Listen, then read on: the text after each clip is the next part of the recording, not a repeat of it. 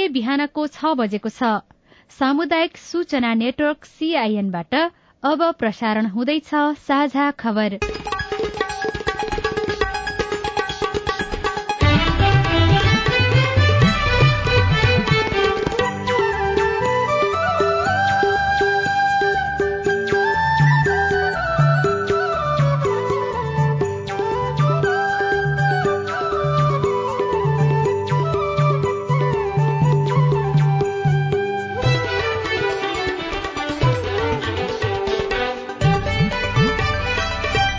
शुभ प्रभात यो सीआईएनको साझा खबर हो। सजना तिमल सिन्हासँगै लील प्रकाश चन्दको स्वागत छ। सामुदायिक रेडियोबाट देशैभरि एकैसाथ प्रसारण भइरहेको साझा खबर सीआईएन खबर डट कम र मोबाइल एप सीआईएनबाट पनि सुन्न सकिन्छ। आज दुई हजार उनासी साल माघ आठ गते आइतबार जनवरी बाइस तारीक सन् दुई हजार तेइस नेपाल सम्बत एघार सय त्रिचालिस माघ शुक्ल पक्षको प्रतिपदा तिथि आज सोनाम लोछार श्री वल्लभ जयन्ती पनि आजै। साझा खबरमा प्रमुख खबरका शीर्षकहरू।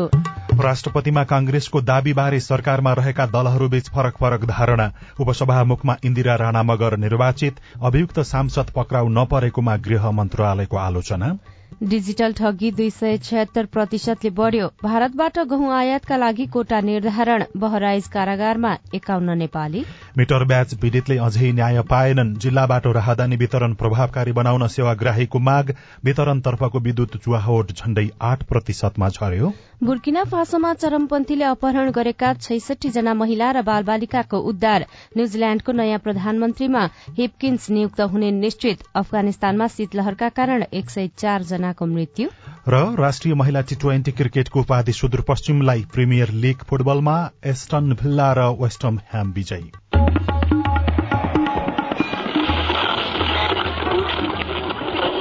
सयौं रेडियो।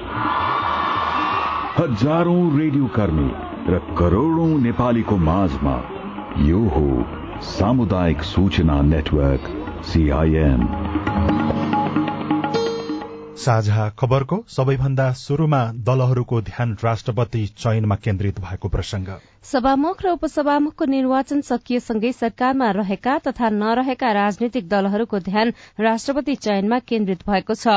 हिजोको संसद बैठकपछि नेपाली कांग्रेसका प्रवक्ता प्रकाश शरण महतले एमाले अध्यक्ष केपी शर्मा ओलीले आफू अनुकूलका व्यक्तिलाई सभामुख र उपसभामुख बनाएको र यसले संविधानमाथि खतरा रहेको दावी गर्नुभयो। प्रवक्ता महतले राष्ट्रपतिको निर्वाचनमा प्रधानमन्त्री प्रचण्डको परीक्षा हुने टिप्पणी समेत गर्नुभयो। प्रधानमन्त्री पनि अब कहाँ उभिने? संविधान रक्षाको पक्षमा उभिने कि नउभिने? उहाँमा निर्भर गर्दछ। अन्य दलहरू पनि अब अघि पछि भन्दा ठुल्ठुलो कुरा गर्ने र संविधानको महत्वपूर्ण विषय आउँदा कानूनी शासनको महत्वपूर्ण विषय आउँदा सत्ता स्वार्थमा मुन्टो लुकाएर बस्ने भयो भनेदेखि त परिणाम अर्को सभामुख उपसभामुखको प्रकरण त सकिएको छ। अब राष्ट्रपति उपराष्ट्रपतिको जुन निर्वाचन आउँदैछ त्यो चाहिँ सबभन्दा महत्वपूर्ण परीक्षणको घडी छ। त्यो परीक्षणमा उत्तीर्ण हुने नहुने कहाँ उभिने नउभिने कुरा फेरि उहाँहरूकै हातमा। नेकपा माओवादी केन्द्रका अध्यक्ष तथा प्रधानमन्त्री पुष्पकमल दाहाल प्रचण्डले सकभर राष्ट्रपतिमा सहमति होस् भन्ने आफ्नो चाहना रहेको बताउँदै आउनु भएको छ। यद्यपि यसअघि शक्तिशाली पदको बारेमा भएको सहमतिमा राष्ट्रपति नेकपा एमालेको भागमा परेको छ। माओवादी केन्द्रका नेता जनार्दन शर्माले सरकारमा रहेका दलले उठाएका उम्मेद्वार नै राष्ट्रपतिमा निर्वाचित हुने बताउनुभयो। केही दिनपछि राष्ट्रपतिमा प्रवेश गर्छ। एजेन्डै प्रवेश गरेको छैन। राष्ट्रपतिको एजेन्डामा प्रवेश गर्छ। पार्टीहरू बीचमा छलफल हुन्छ। सहमति असहमति गठबन्धन उम्मेद्वारहरूको छनौट लगायत सबै कुराहरू होला। यसको बारेमा छलफल गरिसकेपछि मात्रै को हुन्छ भनेर भन्न सकिन्छ। सरकारको जो गठबन्धन छ गठबन्धनको तर्फबाट उम्मेद्वार बन्ने कुरा त स्वत स्पष्टै छ। अब अहिले संसदीय एउटा राजनीतिभित्र जुन गठबन्धन बनेको छ सरकार जसरी बनेको छ त्यसको बीचमा छलफल सहमति भएर हुनसक्छ। प्रतिपक्ष सहित पनि सहमति हुन्छ भने त राम्रो कुरा। भएन भने गठबन्धन दलभित्रको सहमतिमा नै अगाडि बढ्छ किनभने बहुमत अहिले यही छ। बहुमत अहिलेको सरकारसँग गठबन्धन भएको हुनाले सरकारमा भएका दलहरूले प्रस्ताव गरेको व्यक्ति नै राष्ट्रपति हुने देख्छु मैले। नेपाली कांग्रेसले भने राष्ट्रपतिमा आफ्नो उम्मेद्वारलाई सघाउने सहमति भएकै कारण प्रचण्ड नेतृत्वको सरकारलाई विश्वासको मत दिएको दावी गरेको छ। तर एमाले राष्ट्रपति आफ्नो पार्टी बाहेक अर्कोलाई दिने सम्भावना अहिले देखाएको छैन। कांग्रेसले राष्ट्रपति पाउने सम्भावना र प्रधानमन्त्रीले दिँदै आएका पछिल्ला अभिव्यक्तिको कारण के होला? सीआईएनसँग कुरा गर्दै विश्लेषक पुरूषोत्तम दाहालले भन्नुभयो। गएको संसदका निर्णयहरूलाई अहिलेको राष्ट्रपतिजीले जसरी गम्भीर प्रश्न उठाएर रोकिदिनु भयो त्यसले गर्दाखेरि सायद अहिले प्रधानमन्त्री झस्किनु भएको हुन सक्छ। एमालेको सभामुख अनि एमालेकै भोलिका दिनमा फेरि राष्ट्रपतिको कुरा भयो भने कुनै पनि हालतमा सरकार अगाडि बढ्न आउन गाह्रो हुन्छ नेतृत्व गर्न कठिन हुन्छ भन्ने सायद त्यो एउटा दोस्रो कुरा के हो भने अब सहमति उहाँहरूको हो भने अहिले दुइटै पदमा एमालेलाई छोड्ने। भोलि अढाई वर्षपछि फेरि प्रधानमन्त्री पनि एमालेलाई बुझाउँदाखेरि त अन्तिममा चुनाव हुने बेलामा त तिनटै पद राष्ट्रका महत्वपूर्ण पदहरू एमालेसँग रहने भए सम्भवतः यो एउटा आधार हुन सक्छ अहिले प्रधानमन्त्रीजीले राष्ट्रिय सहमतिको कुरा गर्नुभएको र नेपाली कङ्ग्रेसले अपेक्षा गरेको कुरा त्यही हुन सक्छ उपसभामुखमा राष्ट्रिय स्वतन्त्र पार्टीका सांसद इन्दिरा राणा मगर निर्वाचित हुनुभएको छ। हिजो उहाँलाई उपसभामुखमा निर्वाचित गरियोस् भनी प्रतिनिधि सभामा राष्ट्रिय स्वतन्त्र पार्टीका सांसद सुविता गौतमले राखेको प्रस्ताव बहुमतले पारित भएको हो। प्रतिनिधि सभाका दुई सय पचहत्तर सांसद मध्ये उपसभामुखको निर्वाचनमा दुई सय चौसठी जना सहभागी भएको सभामुख देवराज घिमिरेले संसद बैठकमा जानकारी दिनुभयो। मान्य सदस्यहरू यस सभाका मान्य सदस्य श्री इन्दिरा राणालाई प्रतिनिधि सभाको उपसभामुख पदमा निर्वाचित गरियोस् भन्ने प्रस्तावको पक्षमा एक सय छसठी मत परेको र उक्त संख्या प्रतिनिधि सभामा तत्काल कायम रहेको सम्पूर्ण सदस्य संख्याको बहुमत भएकोले यस सभाका मान्य सदस्य श्री इन्दिरा राणालाई प्रतिनिधि सभाको उपसभामुख पदमा निर्वाचित गरियोस् भन्ने प्रस्ताव बहुमतले पारित भएको घोषणा गर्दछु। इन्दिराको पक्षमा एक सय छैसठी र विपक्षमा सन्तानब्बे मत परेको थियो। नेपाल मजदुर किसान पार्टीका सांसद प्रेम सुवालले भने तटस्थता व्यक्त गर्नुभयो। नवनिर्वाचित उपसभामुख राणा मगरले संविधानले व्यवस्था गरेको भूमिकालाई इमान्दारीका साथ निभाउने हिजोको संसद बैठकपछि पत्रकारहरूसँग बताउनुभयो। सम्पूर्ण विभिन्न पार्टीका गठबन्धनकादेखि लिएर विपक्षी पार्टीका सम्पूर्ण मान्यज्यूहरूले उठाएका इस्युहरूलाई चाहिँ मैले इमान्दारीता साथ तटस्थ भएर भूमिकालाई म इमान्दारी साथ निभाउने सामान्य सभामुखज्यूसँग सहकार्य गरेर सञ्जीकरण गर्ने झापाको अर्जुनधारा नगरपालिका एघार स्थित देउनिया बस्तीकी राणा मगर समानुपातिक प्रणालीबाट प्रतिनिधि सभा सदस्य चुनिनु भएको हो। उहाँ उपसभामुखमा पनि निर्वाचित भएको खबरले देउनिया बस्तीमा खुशियाली छाएको छ। त्यहाँको जुनकिरी प्राविमा अधीनरत बाल बालिकामा उज्यालो छाएको छ। जुनकिरी राणा मगरले नै डेढ दशक अघि खोलिदिएको विद्यालय हो जहाँ जेलमा परेका अभिभावकका सन्तान समेत पढ्छन् यो विद्यालय स्थापनाको कथा पनि मर्मस्पर्शी छ।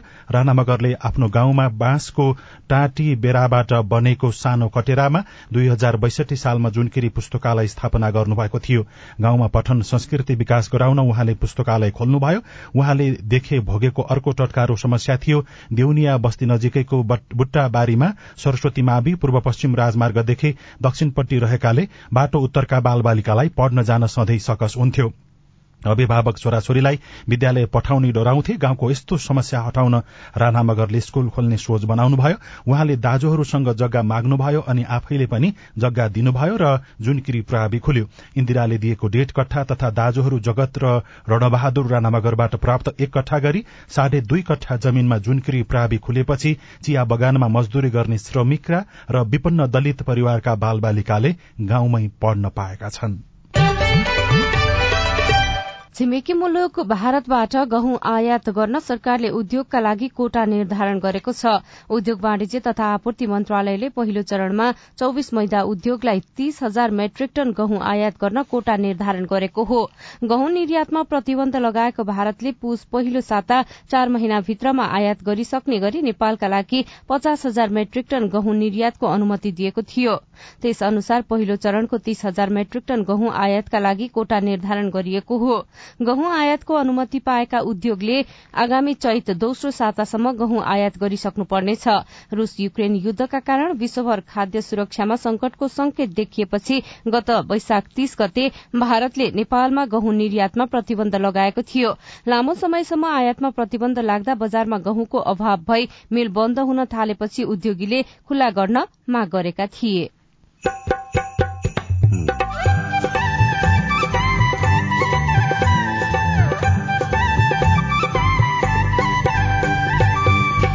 सामुदायिक सूचना नेटवर्क सीआईएन मार्फत देशभरि प्रसारण भइरहेको साझा खबरमा राहदानी विभागमा बायोमेट्रिक गर्न पर्ने शास्ति। चार हजारसम्म भाडा नै लाग्छ अनि खाना सानो जोड्दाखेरि छ सात हजार पुगिहाल्छ। यहाँनिर फेरि जानलाई छ सात हजार लाग्छ भने चाहिँ यहाँ बस्नु पर्यो तिस पैँतिस हजार त खानामै गइहाल्छ। डिजिटल ठगी दुई सय छयत्तर प्रतिशतले बढ़्यो। मिट्रोब्याज पीड़ितले अझै न्याय पाएनन् लगायतका खबर बाँकी नै छन्। सीआईएनको साझा खबर सुन्दै गर्नुहोला। सबैलाई नमस्कार। अध्यक्ष उपाध्यक्ष सदस्य सबै पो आउनुभएछ त। हामी त विपद व्यवस्थापनमा जनप्रतिनिधिको भूमिकाकै बारेमा पो छलफल गर्दै थियौं। अनि के छ निष्कर्ष सुनौ न त? बाढ़ी पहिरो भूकम्प लगायतका विपदको समयमा महिलाका समस्या सम्बोधन गर्न पालिकाले अझ धेरै काम गर्न सक्छ भन्ने हाम्रो बुझाइरह्यो। विपद सम्बन्धी स्थानीय नीति कानून मापदण्ड बनाउने र कार्यान्वयन अनुगमन नियमनको अधिकार स्थानीय सरकारलाई छ। त्यसमा महिलाको पनि सहभागिता बढाउनु पर्यो। पालिकाको अध्यक्ष मै छु। पाएको अधिकार अनुसार हामी बनेको कानून कार्यान्वयन गर्ने अनि आवश्यक कानून बनाउने चरणमै छौं। अब तपाईँका सुझाव पनि समेटिन्छन् है। विपदको तयारी र प्रतिकार्यका लागि पालिकामा रहेको संयन्त्र र योजना अनि नीतिहरू महिला बालबालिका अपाङ्गता भएका यौनिक अल्पसंख्यक समुदायका व्यक्तिको आवश्यकतामा आधारित हुनु पर्यो अध्यक्षज्यू। दिदी बहिनीहरूले सही कुरा उठाउनु भयो यहाँ उठेका सबै कुरा कार्यपालिकाको बैठकमा राख्ने प्रतिबद्धता जनाउँदै बरु अध्यक्षज्यू अहिलेसम्म बनेका कानून कस्तो बने? अनि भविष्यमा कस्तो बनाउने भन्ने बारे भोलि नै एउटा छलफल राखौं न हुन्न? विपद पहिले विपदको बेला र विपद पछि कस्तो नीति बनाउने र महिलालाई कसरी सम्बोधन गर्ने भन्ने बारेमा भोलि नै सर्वपक्षीय बैठक गरौं। आएका सुझाव समेटेर बनेका कानून संशोधन र नयाँ कानून बनाउन पालिका तयार छ। विपद सम्बन्धी कानून निर्माण र कार्यान्वयनमा महिलाको अर्थपूर्ण सहभागिता खोजौं। युएन उमनको सहयोगमा ल्याक र अकोराब नेपाल। खै यतै कतै कतै भन्थे यता हो कि तल हो कि सर नमस्ते। हजुर नमस्ते नमस्ते। हजुर के सेवा गरौं? सूचनाको हक भन्ने बारेमा रेडियो टिममा खुब सुनिन्थ्यो। हजुर। आज पालिकामा छिरेको बेलामा सोधिहाले हजुरलाई।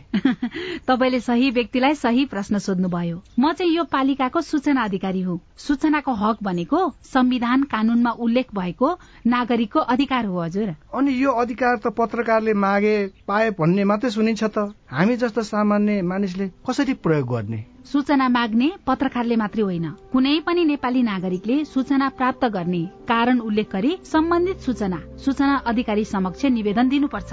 विधि र प्रक्रिया पूरा गरी निवेदन प्राप्त भयो भने सूचना अधिकारीले पन्ध्र दिनभित्रमा उपलब्ध गराउनु पर्ने सूचनाको हक सम्बन्धी ऐनमा भनिएको छ। पन्ध्र दिन पो कुर्नु पर्ने व्यक्तिको जीवनको सुरक्षासँग सम्बन्धित सूचना माग गरिएको हो भने नि हजुर चौबिस घण्टाभित्रै जानकारी दिनुपर्छ।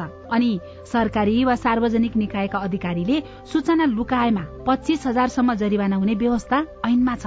त्यसका लागि चाहिँ राष्ट्रिय सूचना आयोगमा पुनरावेदन गर्नुपर्छ। अनि यो सूचना माग्दा पैसा पनि लाग्छ? लाग्दैन लाग्दैन। निवेदन उजुरी र पुनरावेदन गर्दा पैसा लाग्दैन। सम्बन्धित निकायले दिने सूचना दस पन्ना भन्दा बढीको भएमा चाहिँ प्रति पन्ना पाँच रुपियाँ तिर्नुपर्छ। ल कुरो बुझ्यो। अब भोलि नै म पनि सूचना माग्न आउँछु। हस् हस्। अस्ट्रेलिया सरकार र द एसिया फाउन्डेशनको साझेदारीमा सञ्चालित स्थानीय सरकार सबलीकरण कार्यक्रम र अकोराब नेपाल।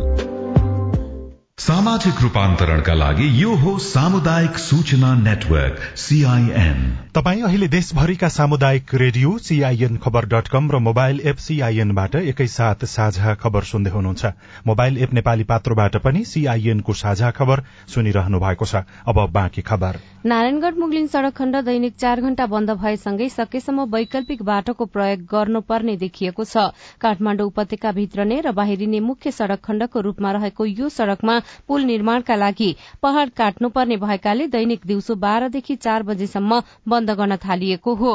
चार घण्टा अत्यावश्यक बाहेकका सवारी साधनलाई चल्न नदिने भएकाले सकेसम्म वैकल्पिक बाटो प्रयोग गर्न नारायणगढ़ मुगलिङ सड़क योजना कार्यालयले अनुरोध गरेको छ। सीआईएनसँग कुरा गर्दै कार्यालयका प्रमुख किरण कार्कीले अबको एक महिनासम्म दैनिक चार घण्टा बाटो बन्द गरेर काम हुने जानकारी दिनुभयो। नारायणघाट मुनि सडकको जुन निर्माण पुलहरू छ। त्यसको लागि चाहिँ चारवटा पुलहरूमा चाहिँ अलिकति सडक छेउको भित्ता काटेर पुल निर्माण गर्नुपर्ने भएकोले गर्दा बाह्रदेखि चारसम्म चाहिँ हामीले बाटो ब्लक गरेर काम गरिरहेको छौँ त्यसले गर्दा अब यात्रु मानवहरूले चाहिँ अब त्यो टाइमलाई सकेसम्म म्यानेज गरेर यात्रा गरिदिनु होला भनेर म अनुरोध पनि गर्न चाहन्छु। यो कहिलेसम्म यसरी बन्द गरेर काम अब गर्ने अहिलेको लागि फागुन सडक चाहिँ बन्द गर्न बन्द चार घन्टा दिनको। बन्द गरेर काम गर्छौँ। अब त्यसको लागि चाहिँ त्यो बिचमा हामीले एम्बुलेन्सहरू जस्तो लगायत गाडीहरू चाहिँ अवस्था हेरेर हामीले छोडेका छौँ होइन अब त्यहाँको अब ट्राफिक प्रहरी सरहरूले त्यहाँ व्यवस्था गरिदिनु भएको छ। अब त्यसलाई बिचमा एकचोटि छोडेर बिचमा होइन सफा गरेर छोडि पनि रहेको छौँ त्यसलाई समस्या भएन। हाल चार स्थानमा पुल निर्माणको काम भइरहेको छ। अब आज काठमाडौँबाट प्रकाशित पत्र पत्रिकाको खबर कान्तिपुर दैनिकमा संवैधानिक परिषद पूर्ण कि अपूर्ण? प्रश्नवाचक चिन्ह राखेर तुफान नेवानेले खबर लेख्नु भएको छ। संवैधानिक परिषदका लागि प्रधानमन्त्री सभामुख उपसभामुख राष्ट्रिय सभाका अध्यक्ष प्रधान न्यायाधीशको पद पूर्ण तर विपक्षी दलका नेताको अझै टुंगो लागेको छैन। सरकारलाई विश्वासको मत दिएपछि देउबा विपक्षी दलका नेता हुने कानूनी आधार छैन तर जिम्मेवारी पाउन कांग्रेसले संसद सचिवालयमा पत्र पठाएको पनि खबरमा उल्लेख गरिएको छ। अभियुक्त पक्राउनुको सट्टा वक्तव्यबाजीमा गृह मन्त्रालय शीर्षकमा जयसिंह महरा लेख्नुहुन्छ। सुरक्षाकर्मीको हत्या अभियोगमा फरार सांसद निर्धक्क संसद बैठकमा पुग्छन् शपथ लिन्छन् गृहमन्त्रीसँगै उभिएर प्रधानमन्त्रीलाई विश्वासको मत दिन्छन् र संसद भवनबाट निस्केर वासस्थान पुग्छन्। अभियुक्तलाई पक्राउ गर्ने जिम्मेवारी पाएको प्रहरी रमिते बन्छ। त्यसको दायित्व लिने गृह मन्त्रालय विज्ञप्ति जारी गरेर बसिरहेको छ। दुई हजार बहत्तर भदौ पच्चीसमा प्रदर्शनकारीको आक्रमणमा घाइते भएका सशस्त्र प्रहरीका असै थमन विकलाई एम्बुलेन्सबाट बाहिर निकालेर कुटपिट गरी हत्या गरेको अभियोगमा अदालतबाट दोषी ठहर भएका लक्ष्मी महतो कोइलीलाई पक्राउ गर्न अदालतले आदेश दिएको छ तर यो बीचमा संसद ओहोर दोहोर गरेका उनलाई पक्राउ नगरिएपछि संसदमा समेत प्रश्न उठ्न थालेको छ। सुरक्षाकर्मीको हत्या अभियोगमा फरार एमाले सांसद लक्ष्मी महतो कोइलीलाई पक्राउ गरी कानूनी कार्यवाही अगाडि बढ़ाउन हिजोको संसद बैठकमा सांसदहरूले माग गरेका छन्। बहराइच कारागारमा एकाउन्न नेपाली अधिकांशलाई लागू औषध ओसार पसार मुद्दा तर न सरकारलाई चासो न परिवारलाई थाहा छ। कमलपन्थीले बहराइच भारतबाट र मेनुका ढुङ्गानाले अछामबाट खबर लेख्नु भएको छ। भित्री पन्नामा मिटर ब्याज पीड़ितलाई पीड़ितले पाएन न्याय शीर्षकमा नवीन पौडेलले लेख्नु भएको छ पश्चिम नौलपरासीको सुस्ता गाउँपालिका पाँचका अवधेश कुशवाहाले मिटर ब्याजबाट छुटकारा पाउन लामो संघर्ष गरिरहनु भएको छ। आफ्नो पीड़ाबारे स्थानीयदेखि संघीय सरकारसम्मको ध्यानकर्षण गराइसक्नुभयो। सात लाख ऋणको पन्ध्र लाख र छ लाखको दश लाख रूपियाँ भन्दा बढ़ी तिर्दा पनि ऋण चुक्ता नभएको भन्दै साउले पैसा मागिरहेको पीड़ितहरूको गुनासो छ। नयाँ पत्रिका दैनिकमा दुई सय छयत्तर प्रतिशतले बढ़े डिजिटल ठगी शीर्षकमा खबर छापिएको छ। डिजिटल कारोबार गर्नेहरू बढ़ेसँगै ठगी धन्दा चलाउने पनि त्यही प्लेटफर्ममा प्रवेश। दुई हजार अठहत्तर उना अस्सीमा अठाइस करोड़ नौ लाख बयालिस हजार ठगी भएको थियो। चालू आर्थिक वर्षको पाँच महिनामै साढे बत्तीस करोड़ ठगी भएको छ। खबरमा उल्लेख गरिएको छ यस्तै राजधानी दैनिकको आर्थिक पृष्ठमा वितरणतर्फको विद्युत चुहावट सात दशमलव चार नौ प्रतिशतमा झर्यो शीर्षकमा खबर छापिएको छ। नेपाल विद्युत प्राधिकरणले चालू आर्थिक वर्ष दुई हजार उना अस्सी अस्सीको पहिलो पाँच महिनामा वितरणतर्फको विद्युत चुहावटलाई घटाएर सात दशमलव सात नौ चार नौ प्रतिशतमा झारेको छ। नियमित रूपमा विद्युत आपूर्ति र प्राविधिक तथा गैर प्राविधिक चुहावट नियन्त्रणका लागि सञ्चालन गरिएका अभियानबाट प्राधिकरणले गत वर्षको मंगिरसम्मको वितरण तर्फको संचित चुहावटको तुलनामा यस वर्ष एक दशमलव सात चार प्रतिशत बिन्दुले घटाइएको छ। साझा खबरमा अब हेलो सीआईएन सीआईएनको फेसबुक पेजमा आफ्नो नाम नखुलाइदिन अनुरोध गर्दै एकजनाले नेपालमा मानसिक रोगको उपचार कुन कुन संस्थामा हुन्छ भनेर सोध्नु भएको छ। काठमाडौँ उपत्यकाको हकमा मानसिक अस्पताल लगनखेल लगनखेलमै रहेको पाटन अस्पताल र काठमाडौँ महाराजगंजमा रहेको त्रिवी शिक्षण अस्पतालमा मानसिक रोगको उपचार हुन्छ भने गैर सरकारी संस्थाको हकमा टीपीओ नेपाल र सीएमसी नेपालले पनि यस बारेमा काम गर्दै आएका छन्। सीआईएनको फेसबुक पेजमै ललितपुरका यमुना ढकालले ट्रायल उत्तीर्ण गरेको तर रसिद हराएकाले अब लाइसेन्स कसरी निकाल्न सक्छु भनेर समस्या सुनाउनु भएको छ। तपाईँको समस्या समाधान कसरी हुन सक्छ भनेर हामीले यातायात व्यवस्था कार्यालय सवारी चालक अनुमति पत्र एकान्त कुनाका सूचना अधिकारी रमेश महर्जनलाई अनुरोध गरेका छौं। ट्रायल पास भएर रसिद हराएको भए एउटा ट्राफिकको सिफारिस नै चाहिन्छ। पास हुनुभयो राजस्व तिरेको छैन भने अब यहीँ अफिसमै भिजिट गर्नुपर्छ। त्यो निकाल्न चाहिँ सकिन्छ? निकाल्न सकिन्छ। हेलो नमस्ते। म चाहिँ यहाँ पाँच थरबाट मचिन्द्र स्याङ्बो बोलेको हुँ। मेरो सवारी चालक अनुमति पत्र हराएको हुनाले सवारी चालक अनुमति कसरी प्राप्त गर्न सकिन्छ र सवारी चालक अनुमति पत्रको कुनै पनि लाइसेन्स नम्बर मलाई थाहा नभएको कारणले गर्दाखेरि कसरी मैले प्राप्त गर्न सक्छु होला? मैले चाहिँ बागमती अञ्चलबाट लिएको हुँ तर म हाल अहिले पाँच थरमा छु। यसको पनि जवाफ दिँदै हुनुहुन्छ यातायात कार्यालय एकान्त कुनाका सूचना अधिकारी महर्जन। यदि उहाँको नागरिक नम्बर सही छ भने स्टेसनबाट खोज्न सकिन्छ। त्यो घटामा पनि हेर्न सकिन्छ। त्यही हो। अब लाइसेन्स हरायो भने तपाईँको एउटा ट्राफिकको सिफारिस चाहिन्छ प्रतिलिपि निकाल्नलाई। त्यसको लागि चाहिँ अब उहाँ पाँच थरमा हुनुहुन्छ। पाँच थरदेखि यही कामको लागि भनेर एकान्त कुनामा आइपुग्नु पर्छ अथवा उतै केही गरेर मिलाउन सक्नुहुन्छ? उहाँको उहाँको के हो? स्मार्ट लाइसेन्स हो कि पहिलाको कागजको लाइसेन्स हो? त्यसमा भर पर्छ। स्मार्ट लाइसेन्स हो भने जुन चाहिँ नेपाल अधिराज्यभरिको जुनसुकै कार्यालयमा गएर पनि प्रतिलिपि दिन सक्नुहुन्छ। होइन? यदि उहाँको कागज लाइसेन्स हो भने जहाँबाट जारी भएको त्यहीँ आउनुपर्छ। तपाईँ जुनसुकै बेला हाम्रो टेलिफोन नम्बर शून्य एक बान्न साठी छ चार छमा फोन गरेर आफ्नो प्रश्न जिज्ञासा गुनासा अनि समस्या रेकर्ड गर्न सक्नुहुनेछ। साझा खबरमा अब विदेशका खबर। न्यूजील्याण्डको नयाँ प्रधानमन्त्रीमा क्रिस हिपकिन्स नियुक्त हुने निश्चित भएको छ।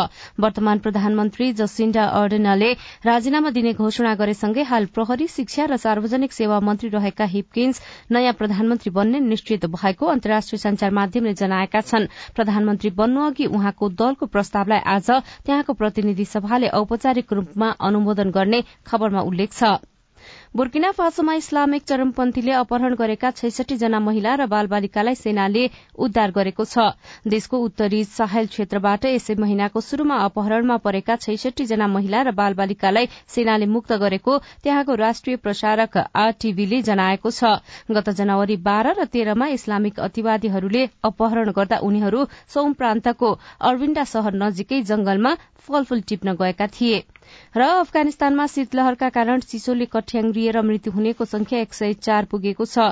तालिबान सरकारले देशको विभिन्न प्रान्तमा चिसोका कारण मृत्यु भइरहेको खबर आएको बताएको छ। शीतलहरका कारण करिब सत्तरी हजार पशु पनि मरेका बीबीसीले जनाएको छ। साझा खबरमा अब खेल खबर। प्रिमियर लीग फुटबलमा एस्टन भिल्ला र वेस्ट ह्याम युनाइटेड विजयी भएका छन्। राति भएको खेलमा वेस्ट ह्यामले एभर्टनलाई दुई शून्यले तथा एस्टन भिल्लाले साउथ ह्याम्पटनलाई एक शून्य गोल अन्तरले हराएका हुन् र अरू खेल भने बराबरीमा सकिएका छन्। रूबिना छेत्रीको कप्तानीमा रहेको प्रदेश एकमाथि छ विकेटको जित निकाल्दै सुदूरपश्चिम प्रदेश इटहरीमा सम्पन्न पाँचौं प्रधानमन्त्री कप ट्वेन्टी ट्वेन्टी महिला राष्ट्रिय क्रिकेट प्रतियोगिताको च्याम्पियन बनेको छ। इटहरीको जनता पार्कमा हिजो सम्पन्न फाइनलमा प्रदेश एकमाथि जित निकाल्दै सुदूरपश्चिम च्याम्पियन बनेको हो। र नेपालले ओमानको मस्कटमा जारी बीसौं विश्व भेटरान च्याम्पियनशीप टेबल टेनिस दुई हजार तेइसमा स्वर्ण पदक जितेको छ। हिजो सम्पन्न पुरूष पैंतालिस वर्षमाथिको उमेर समूहमा नेपालका राजेन्द्र दुलाल र रक्त मानन्धरको जोड़ीले मेन डबल्समा स्वर्ण जितेको हो। जिल्लाबाट राहदानी वितरण छिटो गर्न सेवाग्राहीको माग। रेडियो रिपोर्ट स्वस्थ जीवनशैली अरू खबर र कार्टुन पनि बाँकी नै छ। सीआईएनको साझा खबर सुन्दै गर्नुहोला। बाल विवाह विरूद्ध धर्मगुरूहरूको प्रतिबद्धता। वैदिक साहित्यमा बाल विवाह छैन। बाल विवाह हाम्रो मण्डली अन्तर्गत भएको छैन। हाम्रोमा बाल विवाह हुँदैन। यो मुद्दुमले भनेको कुरा हो र हाम्रो व्यवहारमा त्यस्तो नै छ। राधामिस गीता बाइबल कुरान वेद लगायतका सबै धर्मका ग्रन्थहरूले बाल विवाह गर्नुहुन्न भनेको भनेर धर्मगुरूले रेडियोबाट भनेको सधैँ सुन्ने गरिन्छ। तर किन बाल विवाह अन्त्य नभएको होला? हाम्रो नगरलाई बाल विवाह मुक्त गराउन अब के गर्ने होला? त्यो त हो नगर प्रमुखज्यू। भनेर मात्रै पुग्दैन। सबै धर्मका धर्मगुरूहरूले म बाल विवाह गराउने काममा संलग्न हुन्न भनेर प्रतिबद्धता जनाउने र अरूलाई पनि त्यस्तै सिकाउने कार्य गर्न सके मात्रै त्यो कार्य प्रभावकारी हुन्छ। अनि बाल विवाह विरूद्ध काम गर्ने संघ संस्थाहरू र तपाईँहरू जस्ता स्थानीय सरकारले पनि धर्मगुरू र धार्मिक अगुवाहरूलाई यो अभियानमा सँगसँगै सहभागी गराएर अघि बढ़ाउन सके। बाल विवाह लगायतका हानिकारक परम्परागत अभ्यास अन्त्य गर्न सकिन्छ। हुन्छ राधा मिस म त्यसै गर्छु। ओल्ड भिजन इन्टरनेसनल नेपाल र अकुराब। सामाजिक रूपान्तरणका लागि यो हो सामुदायिक सूचना नेटवर्क सीआईएन साझा खबरमा अब राहदानी र बायोमेट्रिकको कुरा। सरकारले विद्युतीय राहदानी अर्थात ई पासपोर्ट लागू गरेको चौध महिना पूरा भयो। मेसिनले पढ्न सक्ने पासपोर्ट अर्थात एमआरपी हुँदा फोटो टाँसेर फारम बुझाए पुग्थ्यो तर ई पासपोर्ट बनाउन फारम भरेपछि बायोमेट्रिक अर्थात फोटो खिचाउने डिजिटल हस्ताक्षर गर्ने र ल्याप्चे लगाउने गर्नुपर्छ। तर बायोमेट्रिक परीक्षण छिटो नहुँदा सेवाग्राहीलाई भने थप शास्ति हुने गरेको छ। पहिलो दिन आयो लाइन बसे भित्र ठाउँ नै पाएन। दोस्रो दिन आयो भेरिफिकेसन गरिदियो अर्को दिन। काठमाडौँको त्रिपुरेश्वर स्थित राहदानी विभागमा काम अनुसारका फरक फरक लाइन छन्। यी लाइन मध्येको एउटा लाइनमा बायोमेट्रिक गराउनेहरू बसिरहेका छन्। जुन अन्य लाइनको तुलनामा सर्दै सर्दैन। नौ दस बजेसम्म आगोले पाउँछ त्यसपछि पाले पाउँदैन कि। दुई तिन दिन कुर्नुपर्छ छ बजेदेखि मान्छे आएर लाइन बस्छ एकदेखि तीन दिनभित्र राहदानी लिन चाहनेहरू विभागमा पुग्छन्। बल्ल तल्ल फारम भरेका उनीहरू बायोमेट्रिक गर्न अर्थात फोटो खिचाउने डिजिटल हस्ताक्षर गर्ने र ल्याप्चे लगाउने लाइनमा लाग्छन्। त्यसका लागि एउटा मात्र लाइन छ। यो लाइनमा भेटिनुभयो दैलेखका छत्र थापा। सिस्टमबद्ध तरिकाले छैन कोही भित्र घुसिरहेछ। त्यसैमा पनि अब यहाँ भएको सेवा सुविधाहरू अलिक थप गर्नुपर्ने। राहदानी विभागमा बायोमेट्रिकका लागि बाइसवटा कम्प्युटर स्टेशन रहेकोमा कर्मचारी अभाव भएको भन्दै पाँचवटा स्टेशन जिल्ला प्रशासन कार्यालय काठमाडौँलाई पठाएको छ। बाँकी सत्रवटामा मात्रै काम हुँदा गाउँदेखि आएका सर्वसाधारणलाई यसको असर बढ़ी परेको छ। राहदानी बनाउन जाजरकोटदेखि आउनुभएका दीपक चन्द। हामी चाहिँ अब कुर्ने मान्छे चाहिँ कुरेको कुरै यही छ। जाजरकोटदेखि आउनु नै चार हजारसम्म भाडै नै लाग्छ अनि खाना सानो जोड्दाखेरि छ सात हजार पुगिहाल्छ। अनि फेरि जानलाई छ सात हजार लाग्छ भने चाहिँ यहाँ बस्नु पर्यो तिस पैँतिस हजार त खानामै गइहाल्छ। राहदानी विभागमा मात्रै होइन जिल्ला जिल्लामा पनि बायोमेट्रिक गराउन सर्वसाधारणले यही शास्ति खेप्नुपर्छ सेवालाई विकेन्द्रीकरण गर्नु नै दीर्घकालीन समाधान हुने विभागका प्रवक्ता दुरपदा सापकोटा बताउनुहुन्छ। बायोमेट्रिकमा मात्रै थपेर चाहिँ समाधान हुँदैन। त्यति सजिलो चाहिँ यहाँ अहिले भनेको बित्तिकै त्यो सबै कुरामा चाहिँ थप गर्ने अलिकति सहज अवस्था चाहिँ नहोला। होइन तर पनि होइन त्यो ठिक छ। सरकारको निर्णय त्यस्तो केही भयो पासपोर्ट विभागले यसरी गर्नुपर्छ भन्ने भयो भने चाहिँ डेफिनेटली हामी त्यो पनि गर्छौं। व्यक्तिको गोपनीयता अनि प्रविधिको दुरूपयोग हुन सक्ने जोखिमका कारण राष्ट्रिय परिचय पत्रमा प्रयोग गरिएको बायोमेट्रिक राहदानीमा पनि प्रयोग गर्न नसकिने विभागको भनाइ छ। राहदानी बनाउन विभागमा पुग्ने सेवाग्राहीले भोग्नुपर्ने शास्ति र विभागमा देखिएको भीड़भाड़ कम गर्ने दीर्घकालीन उपाय भनेको जिल्ला र इलाका प्रशासन कार्यालयबाट सकेसम्म छिटो राहदानी उपलब्ध गराउनु नै हो। यो रिपोर्टसँगै हामी साझा खबरको अन्त्यमा आइपुगेका छौं। सामुदायिक रेडियो प्रसारक संघद्वारा संचालित सीआईएनको बिहान छ बजेको साझा खबर सक्नु अघि तपाईँको स्वस्थ जीवन शैलीसँग जोडिएको एउटा सन्देश नाकमा कुनै समस्या आउन नदिन के के गर्ने?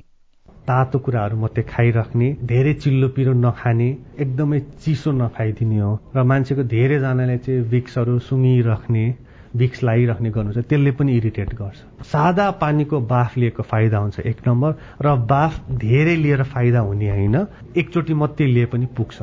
धेरैचोटि गर्दा दुई। त्योभन्दा बेसी चाहिँ गर्नु उपयुक्त हुँदैन। त्यसले सुक्खा भएर नाकबाट रगत आउने समस्याहरू भइरहेको छ। तर तिन चार दिनसम्म पनि तपाईँले बाफ लिँदा ठिक भएको छैन भने त्यसपछि डक्टरलाई देखाए राम्रो हुन्छ डाक्टर शाश्वत कटुवालसँगको कुराकानीमा आधारित यो सन्देशसँगै साझा खबरमा मुख्य मुख्य खबर फेरि एकपटक। राष्ट्रपतिमा कांग्रेसको दावीबारे सरकारमा रहेका दलहरूबीच फरक फरक धारणा। उपसभामुखमा इन्दिरा राणा मगर निर्वाचित। अभियुक्त सांसद पक्राउ नपरेकोमा गृह मन्त्रालयको आलोचना। डिजिटल ठगी दुई सय छयत्तर प्रतिशतले बढ़्यो। भारतबाट गहुँ आयातका लागि कोटा निर्धारण। बहराइज कारागारमा एकाउन्न नेपाली। मिटर ब्याज पीड़ितले अझै न्याय पाएनन्। जिल्लाबाट राहदानी वितरण प्रभावकारी बनाउन सेवाग्राहीको माग। वितरणतर्फको विद्युत चुहावट झण्डै आठ प्रतिशतमा झर्यो। बुर्किना फासोमा चरमपन्थीले अपहरण गरेका छैसठी जना महिला र बालबालिकाको उद्धार। न्यूजील्याण्डको नयाँ प्रधानमन्त्रीमा हिपकिन्स नियुक्त हुने निश्चित। अफगानिस्तानमा शीतलहरका कारण एक सय चार जनाको मृत्यु। र राष्ट्रिय महिला टी ट्वेन्टी क्रिकेटको उपाधि सुदूरपश्चिमलाई प्रिमियर लिग फुटबलमा एस्टन भिल्ला र वेस्ट ह्याम विजयी। साझा खबरको अन्त्यमा कार्टुन कार्टुन हामीले नयाँ पत्रिका दैनिकमा रवि मिश्रले बनाउनु भएको कर्नर किक शीर्षकको कार्टुन लिएका छौं व्यङ्ग्य गर्न खोजिएको छ। काठमाडौँ महानगरपालिकाका मेयरले पछिल्लो समयमा नागरिकको गुनासो भन्दा पनि आफ्ना कुरा मात्रै गर्ने गरेको र नागरिकले उठाएका विषयमा सम्बोधन नगरेको भनेर आलोचना पनि भइरहेको छ। एउटा ढोका बाहिरपट्टि एकजना व्यक्ति छन् र त्यहाँ नाम लेखिएको एउटा कार्ड पनि राखिएको छ। बालेन्द्र वीर विक्रम मेयर भित्र लेखिएको छ। ढोका भित्रबाट केही आवाज आउँदैछ। एकजना व्यक्ति झस्किएका छन् र माथि चाहिँ यस्तो लेखिएको छ। के हो त्यो? झोलामा प्रश्न त होइन नि। हवस् त प्राविधिक साथी सुनिल राज भारतलाई धन्यवाद। अहिलेलाई लील प्रकाश चन्द र सजना तिमल सिन्हा विदा भयौं। तपाईँको आजको दिन शुभ होस्। नमस्कार। यसपछि देशभरिका सामुदायिक रेडियोबाट कार्यक्रम संवाद प्रसारण हुनेछ। सुन्ने प्रयास गर्नुहोला।